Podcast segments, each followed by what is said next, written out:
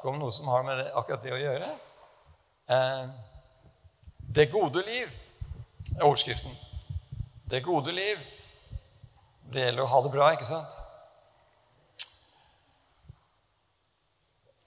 Og eh, når er det, når er det vi har det bra, egentlig?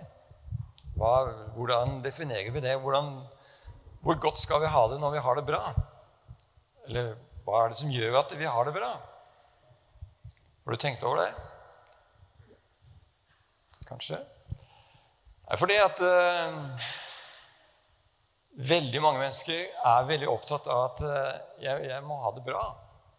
Jeg har det ikke bra, kanskje. Og hvordan får jeg det bra? Og det er mange som skriver, skriver side opp og side ned om, om det gode liv.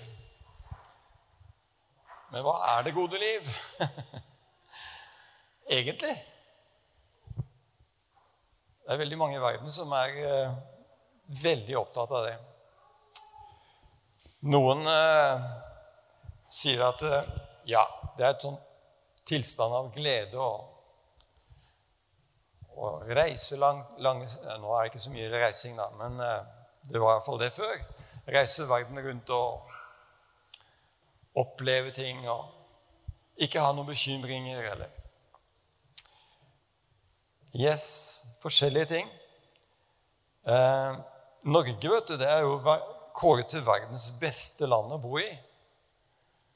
Og eh, i 15 år på rad så har vi blitt eh, altså, kåret til det beste landet i verden av FNs eh, leve- eller utviklingsprogram. da.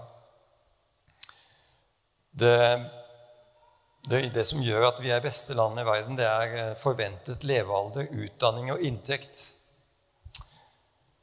Så det er mange som jakter på dette gode livet i verden. Og kunne gjerne ha tenkt seg å komme til Norge hvis de fikk anledning til å, å komme hit. Det er ikke så mange som får faktisk lov til det, å flytte hit. Eh, det er en annen sak. Men det er altså mange som har meninger om det gode liv her i denne verden. Og Ja, noen liker å, som jeg sier, oppleve gode ting, reise langt, ha gode relasjoner. Eh, når jeg får det jeg trenger, når jeg har fysisk eh, nytelse materielt, noen er opptatt av eh, kjødet, altså, altså vel, kunne, kunne, velge hvilket, hvilket uh, kjønn du er, til og med. Altså, vi er litt sånn forvirra i, i, dagens uh, kjønnskamp. Uh, det er fri utfoldelse av um, tankevirksomhet. Altså gjør, gjør det du vil, det du har, føler for Altså, det er mange stemmer ute i verden der som, som, forsøker å definere hva det gode liv er. Noen liker mat spesielt og tenker bare på mat og hvordan maten skal være, liksom. Og få det beste feinschmecker-opplegget som du kan få tak i, osv. Ja. Hvor kommer alle disse tankene fra, egentlig? Hvor kommer dette fra? Er det fra Gud, eller, eller er det egentlig fra løgnens far? Eh, egentlig gjør det det. Løgnens far han forsøker å narre oss hele tiden. Han sier, 'Nyt det gode livet så lenge du kan.' For det er jo bare dette livet her. Det er bare dette livet her du har. Og det er det, det som er meningen med livet, at du skal nyte det så godt du kan så lenge du lever. Ferdig med det. For det er jo ingenting etter døden. Det finnes jo ingen Gud. Det finnes ingen djevel heller. Men Jesus han er veldig krystallklar når det gjelder disse tingene. Også når han skal beskrive løgnens far. Han sier det i eh, Johannes 8, 44. Der eh, har han ganske klare, klare formeninger om hvem eh, løgnens far er. Han sier til eh, folk rundt seg da Dere har djevelen til far, og dere vil gjøre det deres far ønsker. Han har vært en morder fra begynnelsen og står ikke i sannheten. Det finnes ikke sannhet i ham. Når han lyver, taler han ut ifra sitt eget, for han er en løgner og løgnens far. Veldig klare ord. Jesus er veldig direkte når det gjelder disse tingene. Fordi verdens barn de skjønner ikke at Gud har en helt annen hensikt, en helt annen plan for det gode liv. Mens løgnens far forsøker, forsøker å lure oss til å tro at det gode liv det finner, befinner seg på en helt annen front enn det Jesus tenker, og det som Gud tenker. I Johannes 10,10 10, så står det også at uh, tyven, som også da kalles løgnens far, kommer bare for å stjele, drepe og ødelegge. Jeg har kommet for at dere skal ha liv og overflod. Så det gode liv i Jesu øyne, det kommer egentlig fra Jesus. Fra Jesu ord. Han eh, peker på djevelens hensikter. Det er tre ting. Stjele, drepe, drepe og ødelegge. Det er hensikten. Men det kommer aldri frem noen sted eh, i verden at det er det som er hans hensikt. Heller ikke at han er der i det hele tatt. Så Jesus avslører ikke bare løgneren, men han sier samtidig at det eneste sanne, gode liv befinner seg i den som følger ham. Følger Jesus og følger hans ord. Blir hans disipler. Fordi han sier også i, eh, i eh, Johannes 15, 7, at dersom dere blir i meg, og mine ord blir i dere. Da be om hva dere vil, og dere skal få det. Altså, da er det plutselig ingen grenser for hva Gud faktisk ønsker å gi oss. Guds hensikt er å gi oss alt det vi ber om, så lenge vi er i Ham, så lenge vi er i Hans ord, i sannheten. Og Det er jo slik da at uh, Jesus har jo sagt dette her i, i år, over 2000 år eh, gjennom sitt ord. I klartekst hvordan dette egentlig henger sammen. Og veldig mange tror, men de aller, aller fleste tror ikke. Og sånn var det også på Jesu tid. Det var mange som trodde på ham, men til slutt var det faktisk ikke så veldig mange, for de falt fra. Mange trodde på Jesus en stund fordi han gjorde så mange under og tegn. Han helbredet veldig mange mennesker. De trodde på ham fordi han, de trodde at han skulle være den Messias som skulle redde dem fra romerne. Men så var han ikke det allikevel. Og de som da trodde på han og ropte halleluja, de var de som sa 'korsfest', 'korsfest'. Så den troen, den var ikke veldig dypt forankret hos mange av de. Johannes 8, 31-32 så sier han om, om disse som tro, begynte å tro på ham. Jesus sa da til de jøder som var kommet til tro på ham, altså troende, ikke sant Hvis dere blir i mitt ord, er dere virkelig mine disipler. Da skal dere kjenne sannheten, og sannheten skal gjøre dere fri. Eh, så her har vi et valg. At hvis vi blir i, Jesu ord, så kan vi kjenne sannheten.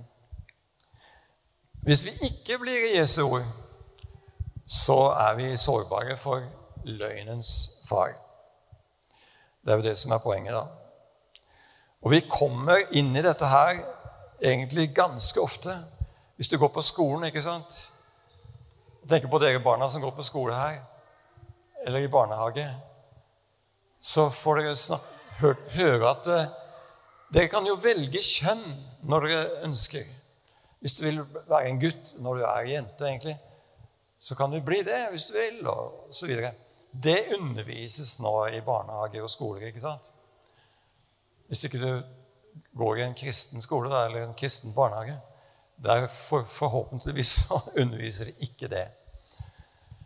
Men det er så mye rart som kommer ut i eh, verden i dag, og som er faktisk lovpålagt ofte. Som er rett og slett motsatt av det Guds ord sier. Og da har vi som foreldre, og du som går på skolen og Vi har et valg å velge Guds ord, Guds vei, og ikke. Så velge sannheten eller løgnen. Så friheten befinner seg ikke i å gjøre alltid det som faller seg inn, og det som høres bra ut eller kjennes godt den befinner seg i å underordne oss Jesus og hans ord. Eh, det er et sånt litt sånn negativt ladet ord her i Norge, dette med å underordne seg. Men altså jeg, som dere kanskje vet, så er jeg kommet fra Forsvaret og har hatt eh, diverse jobber der. Da. Og Der lærte vi også å, å underordne oss hverandre. Akkurat det som eh, si, Bibelen forteller oss at vi skal gjøre her i menigheten også. Underordne oss hverandre. Er ikke det litt sånn eh, spesielt litt, litt negativt, eller hva, hva, skal vi si? Egentlig er det ikke det, for det er et system. Det er et godt system at når vi underordner oss hverandre, så får vi frihet. Friheten ligger nemlig i å underordne oss. For hvis du tar autoritet selv, så har du en falsk autoritet. Men hvis du blir gitt autoritet ved at du har først underordnet deg, og så får autoritet, da har du en sann autoritet. Da har du en virkelig autoritet. Eh, det samme gjelder altså hvis du underordner deg Guds ord, så har du en frihet til å gjøre det som Guds ord sier, som er det beste for deg. Fordi Gud skapte deg en, med en hensikt, og han vil gjerne at du skal si, føle på det gode liv som den hensikten er. For Gud vil at du skal ha det godt. Gud er godhet. Og Guds ord er godhet. Og da er det ikke hva du føler eller ikke føler, eller hva andre sier, eller noe sånt. Det er ikke det som teller. Men det er det som Guds ord sier, som faktisk teller. Det gir frihet. En virkelig frihet. En sann frihet. Det er jo en sånn slags paradoks da, å underordne seg altså en selvmotsigelse, kanskje, som allikevel rommer en sannhet. Ved å underordne oss Jesus og Hans ord så kommer vi inn i Guds plan med våre liv. Det er den beste planen. Det er ikke den planen som du føler for i øyeblikket, eller føler for der og da. Eller. Det er det som fører deg, fører deg til feil spor i livet. Guds plan med vårt liv Den virkelige friheten gir deg den ekte gleden, den ekte friheten, ekte kjærligheten, den ekte kraften, ekte freden. Alt som Guds ord rommer, som verden aldri klarer å reprodusere. Aldri klarer de å nå opp til det nivået som den freden og kjærligheten og gleden osv. som Guds ord rammer. For Gud er mye, mye større enn det noen verdens barn kan prøve å finne på i egen kraft, i egen visdom.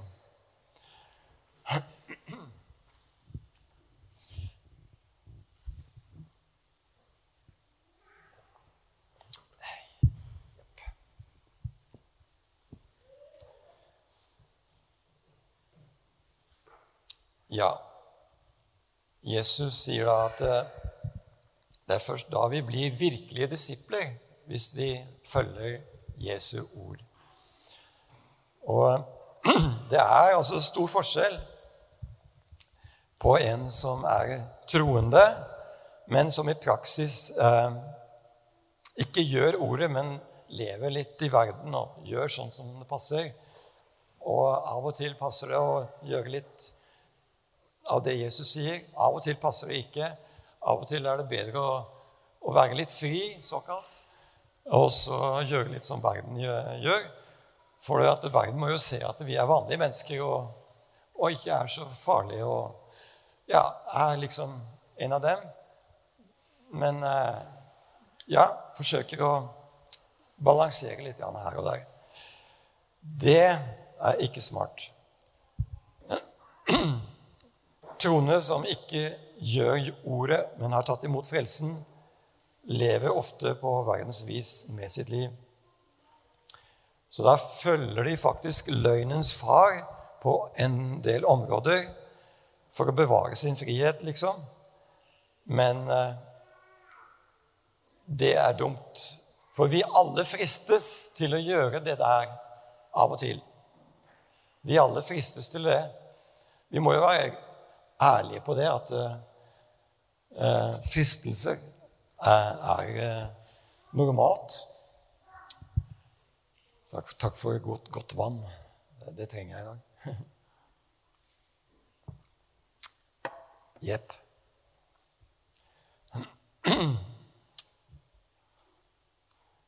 Men altså når, du, når du lar deg friste og beveger deg ut på verdens barns måte å tenke på og gjøre ting, da forlater du samtidig det sanne, gode liv. Og vil ikke oppleve denne godheten. Du, du vil ikke oppleve det gode livet på den måten. Gud vil at du skal gjøre det. Og Dermed så opplever du livet faktisk enda verre enn verdens barn. For du vet at det finnes et bedre liv enn det du gjør nå. Du vet at du er ikke midt i Guds plan med ditt liv. Og så plutselig så er du ute og sykler, og så har du det enda verre kanskje enn verdens barn. Nå setter jeg det på spissen for å gjøre dette tydelig. Ok? Ja. Men en Jesu disippel er en som gjør Jesu ord, følger ham. Så hvis vi sammenligner de to måtene å leve på, da, altså en, en Jesu disippel og en troende som eh, egentlig lever litt her og litt der, så er det ganske stor forskjell på godheten de opplever. Altså prioriteten i livet til den som er bare troende, tror på Jesus, men lever egentlig for seg selv og følger egentlig løgnens barn, løgnens eh, far, eh, av og til. Mens en disippel, en moden kristen, lever for Jesus som herre i sitt liv, og Jesus har første prioritet. Søk først Guds rike, sier han, og så går det den veien. Og som vi har sagt, underordne seg, det er fy-fy-ord for en, eh, en, en, eh, som lever litt i verden under, underordner seg veldig få. Ingen eller få.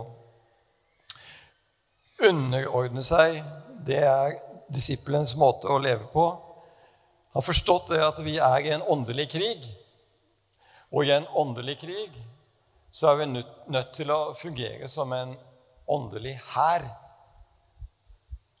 Eh, like it or not. Altså, det er slik at vi trenger å stå sammen. Og da må det være et litt system for at vi skal kunne bli effektive. For en, en hær som har forstått dette her, er effektiv til å slå fienden. En åndelig hær trenger det å være enda mer effektiv hvis vi skal kunne gå mot de åndelige maktene som rår og styrer og roter i dette samfunnet her utafor. Men vi har kraft, og vi har makt til å ordne opp i dette her hvis vi bruker de prinsippene Herren har gitt oss, med å underordne oss hverandre. Her er det muligheter, folkens. Og vi som menighet vi kan gjøre store ting på den åndelige fronten hvis vi er disipler av Jesus og gjør disse tingene. Hva med å tjene? Hva er det gode liv i å tjene? Det er jo en som tjener med Guds Har Guds nærvær når vi tjener. Altså, vi tjener i Guds kraft, tjener i Guds visdom. Og vi er avhengig av det. Vi er avhengig av å kunne tjene i Guds visdom for, for, å kunne gjøre den tjenesten som Herren har kalt oss til. Det er en disippel. Mens en troende som uh, lever litt i verden, han tjener gjerne i en menighet, men søker ikke Guds nærvær for å kunne tjene. Vanligvis en daglig Hver dag er forskjellig, og hver dag er det ting og tang som skjer. Og hvordan lever vi hver dag, liksom? En daglig greie. Eh, jeg, jeg ønsker å leve etter min overbevisning. Jeg lever etter den, den overbevisningen som Herren gir meg for hver lille ting som skjer gjennom dagen. Jeg spør Jesus What would you do? What would Jesus do? Ikke sant? Eh, og finner ut hva som er, gir meg god samvittighet. Og Den hellige ånd snakker til meg. Eh, hvis vi ikke gjør det, så lever vi etter det som er sånn passelig behagelig. Ikke for mye stress og ikke for mye mas og ikke for mye altså, Det er ikke slik slik at det er alltid det som er behagelig, som er Guds vilje. Av og til så er det riktig å gjøre ting som ikke er så behagelig så daglig. Hva med pengene? Pengene er jo det verste som eh, Altså det siste som blir frelst, liksom. Det er lommeboka. Men eh, en disippel lar Gud få kontroll på pengene. Oi, det var farlig. Det er farlig, ja. Farlig, farlig, farlig. Nei, men det er jo ekstremt. Ja, men Gud er ganske ekstrem. Han er det, faktisk. Eh, vi er ikke kalt til å leve slik som verden tenker. Vi er kalt til å leve slik som Gud tenker. Jesus har vist oss hvordan vi skal leve. Og han ønsker å vise oss i dag også, også når det gjelder pengene. Så hvis du kontrollerer pengene dine selv så, og sår sparsomt, så vil du også høste sparsomt. Eh, hva med den åndelige krigen? Eh, Guds ord har gitt oss en åndelig rustning som vi kan ta på oss hver dag. Og vi trenger den hver dag. Mens en som ikke har så veldig mye sans for det som er så veldig åndelig, kanskje ikke bruker noe særlig av våpnene, våpnene og rustningen som er gitt oss. da. Kjærlighet En kjærlighet som ikke har noen grenser, men som elsker alle mennesker. Det er jo det Jesus er. Har vi den kjærligheten i oss? Eller gir vi prioritet til spesielle mennesker som er ålreite og så elsker, liksom. De som er vanskelige, hva med de? Eh, jeg tror på at eh, Gud ønsker at vi skal faktisk kunne ha Jesus kjærlighet i oss ved Den hellige ånd. Og en som eh, bare er litt sånn halvveis i med, vitner sjelden, og kanskje bare når de blir utfordra på det, mens en som er en Jesu disippel, vitner frimodig og frykter ikke mennesker. For vi frykter ofte mennesker. Jeg bare ser på meg selv. Det er ikke lett for meg å begynne å vitne til en på bussen. Eh, det er ikke det. Men eh, av og til så er det riktig å gjøre det. Når Gud kaller på meg og sier at Arnvid, gå fortell han der litt om at eh, ja, et eller annet ikke sant, om, om, Jesus eller et ord eller et eller annet Hvis han gir meg et eller annet der og da, og jeg ikke er lydig, da mister jeg ut en situasjon som kunne virkelig løst ut Guds kraft. Det vet jeg. Så det er viktig at uh, Gud får også tak i oss der. Og det siste, og som jeg skal dvele litt med, det er dette med helliggjørelse. Er du klar over det? At uh, du er hellig, du som tror. Altså, Paulus kalte de han skrev til, for de hellige. Så hvis jeg skulle skrive til dere, så skulle jeg skrive Vær hilset alle dere hellige i Markus kirke. Ja, yes. Men er jeg hellig? Ja. Jo, ja, du er hellig. Hvorfor det?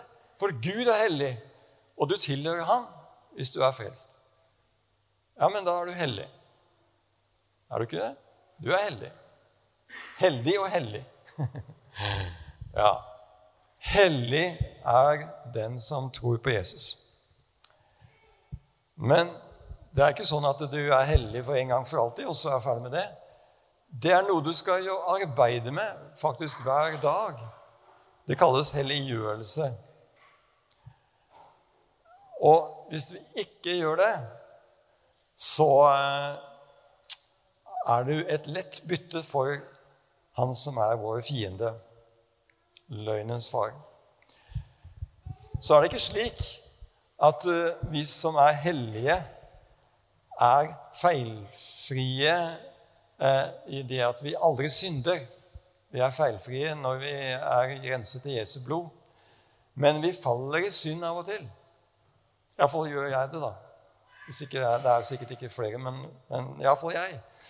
Så da trenger jeg tilgivelse. Og da bare reiser jeg meg opp igjen og så sier jeg, 'Kjære Jesus, tilgi meg'.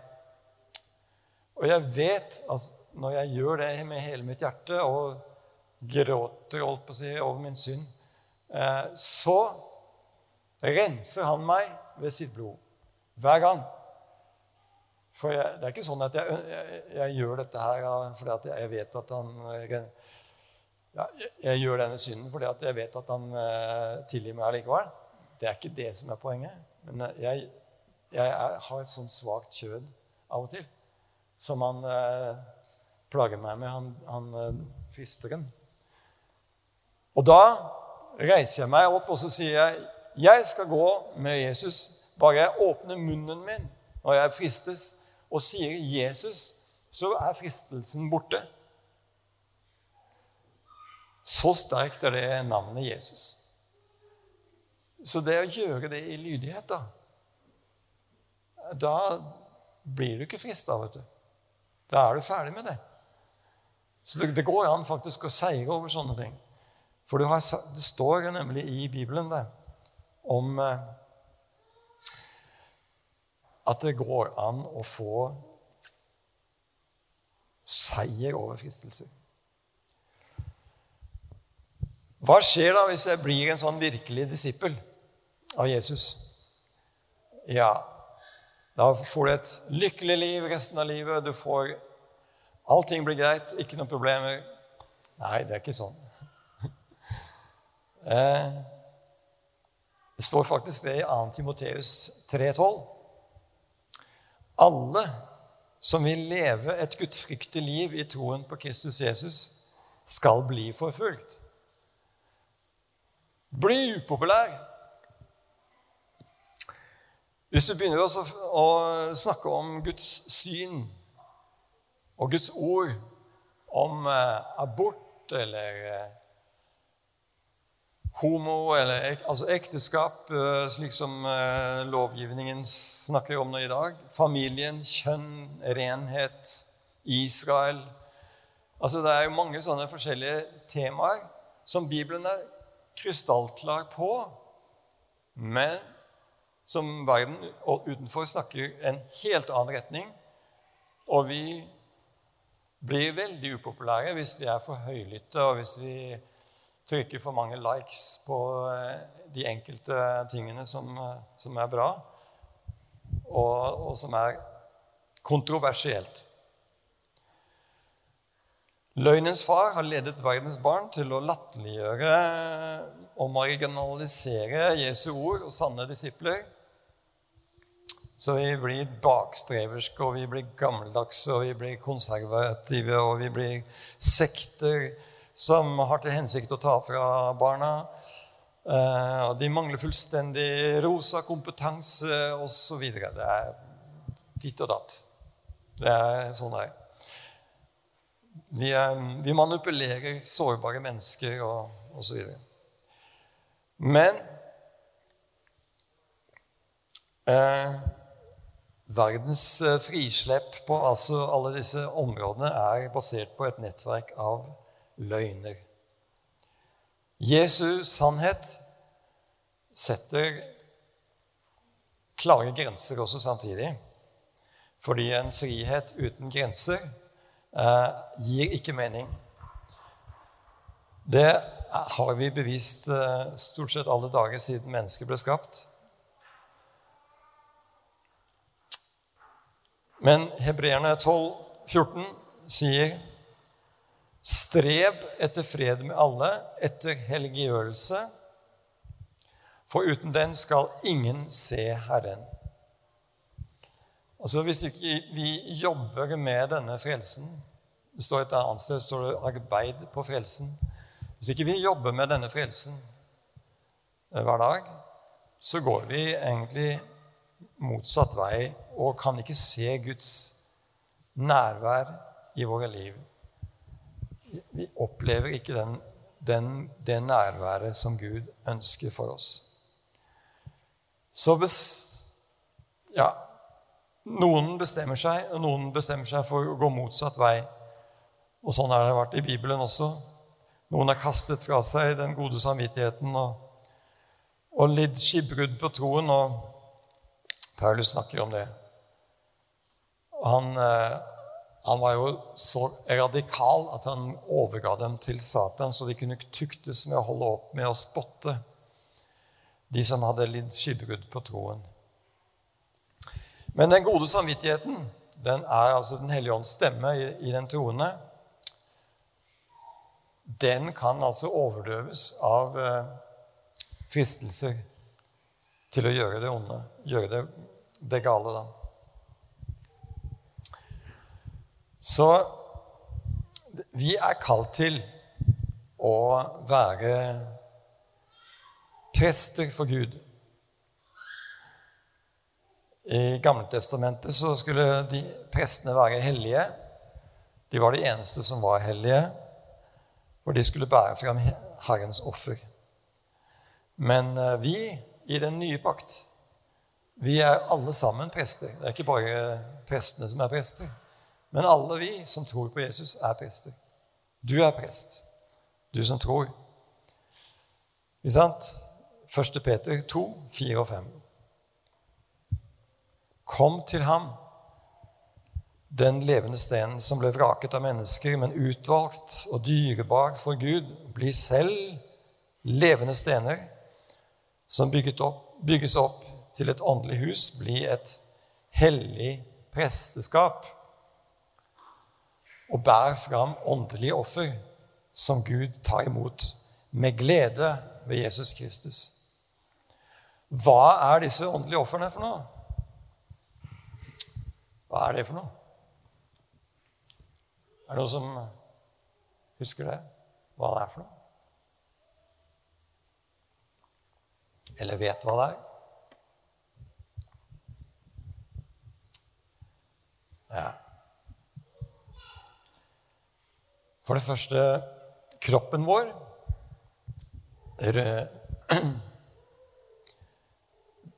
Derfor formaner jeg dere altså Det er Romerne 12,1. Ved, Guds barmhjertighet, søsken, bær kroppen fram som et hellig offer, til glede for vår Gud. Det skal være deres åndelige gudstjeneste. Aha. Hva er det for noe med kroppen som er eh, problemet? Vi skal bære fram denne kroppen her og den kroppen du har, som et hellig offer. Hva, hva gjør vi da? Hva, hva, hva, er det som, eh, hva som skjer? Jeg mener, kroppen er jo kroppen. Ja, vi fristes til forskjellige urenheter med denne kroppen her. Det vet eh, vi alle sammen. Og når vi fristes, så står det i Romerne 8 at vi kan drepe kroppens onde gjerninger for å leve. Så vi når vi fristes til å bruke kroppen til urenhet, så kan vi faktisk drepe kroppens onde gjerninger ved å si 'Jesus'. Akkurat når vi fristes, så blir fristelsen borte. Det har jeg iallfall opplevd ganske mye. Så kroppen er én ting som vi kan ofre godt, godt til, til Herren. Sjelen vår kan også Altså hva er sjelen egentlig? Ja Yes. Følelse og vilje. Ja. Ja. Tanker òg. Hva, hva gjør vi med de urene tankene når de kommer? Det kommer jo urene tanker inn i hodet ditt også, regner jeg med, av og til. Hva, hva gjør du med det? Tar dem til fange i lydighet til Kristus. Tar dem til fange. Ikke sant? Det er måten å gjøre det på. Slik at de ikke begynner å spinne og spinne og spinne, og så blir det større og større, og så blir det plutselig noe som ikke Ja, det fører til synd. Så vi må ta tanker til fange, vet du, for det, det, er ikke alle tanker som er smarte å, å dvele ved. Så Sjelen kan vi også ofre til Herren. Så har vi et lovprisningsoffer. Eh, bære fram lovprisningsoffer. Altså sånn som vi gjør nå. ikke sant? Vi starter alltid gudstjenesten med å prise Herren. Hvorfor det? Fordi vi ønsker å tjene Ham, ofre til Ham, vår lovprisning. Det er eh, behagelig for Han når vi gjør det av hele vårt hjerte i begeistring. Yes. Og så gjør vi en annen ting. Vi ga, vi ga også det, det å gi. Giverglede. Glem ikke å gjøre godt og dele med andre. Slike offer er til glede for Gud. Og vi kan også ofre vår tro, at vi virkelig tror på Guds ord. For uten tro er det umulig å være til glede for Gud.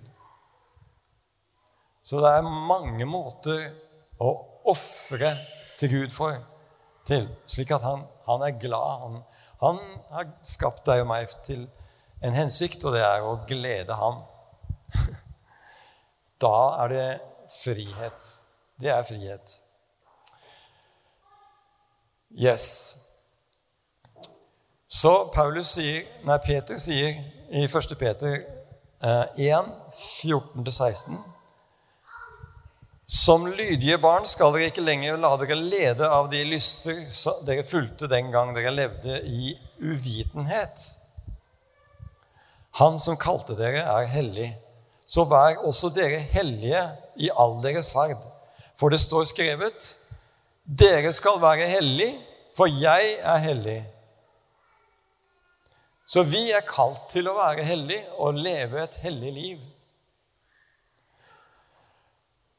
Paulus sier også da i Efeserne 6,18.: Våk og hold ut i bønn for alle de hellige. For vi trenger å be for hverandre, folkens.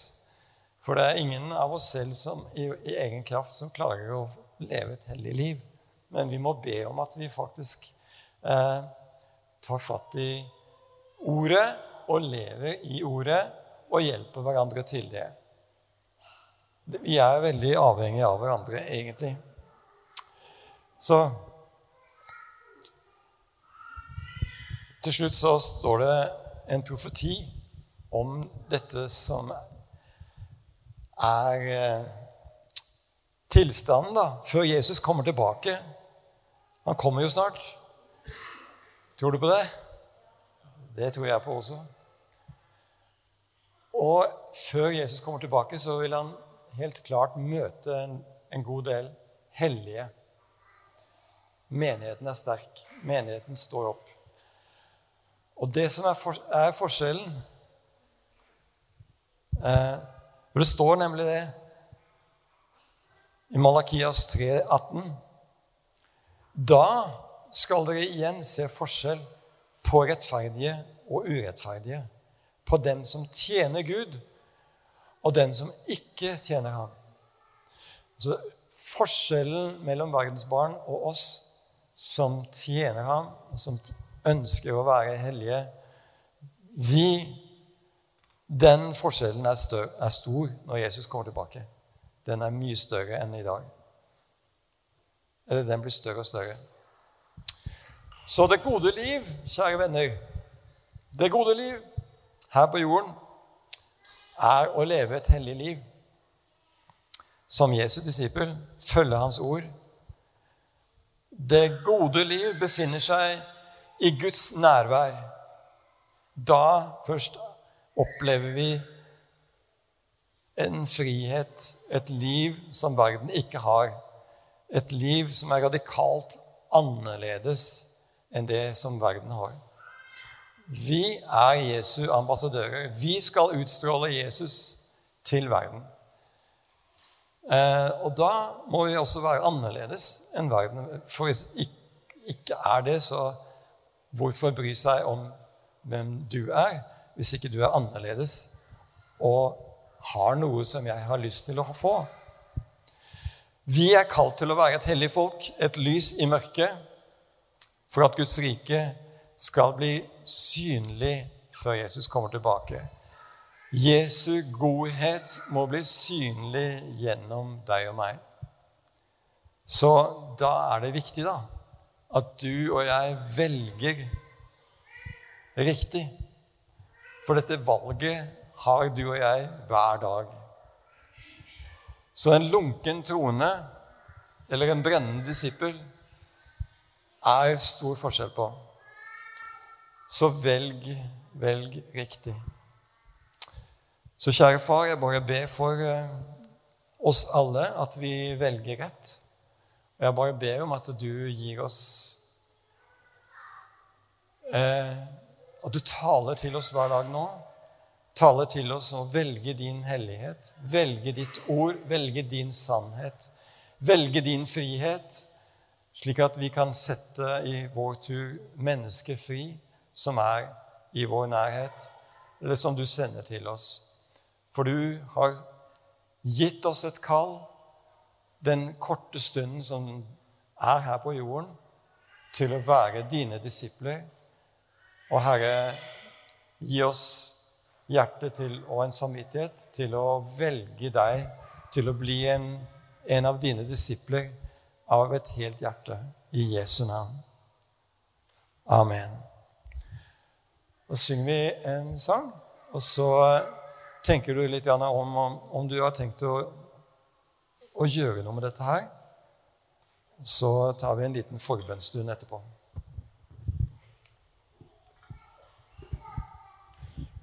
Ja. Bare tenk igjennom det, så kan hvis du har lyst til å ha en forbønn for et eller annet, enten du ikke faktisk tror på Jesus, eller om du faktisk eh, er litt på avstand, så kan du godt komme fram. Og, eller hvis du har en sykdom eller et eller annet som, som, å, som du ønsker forbønn for, så gir vi anledning til det. Så du er Herved innbytt.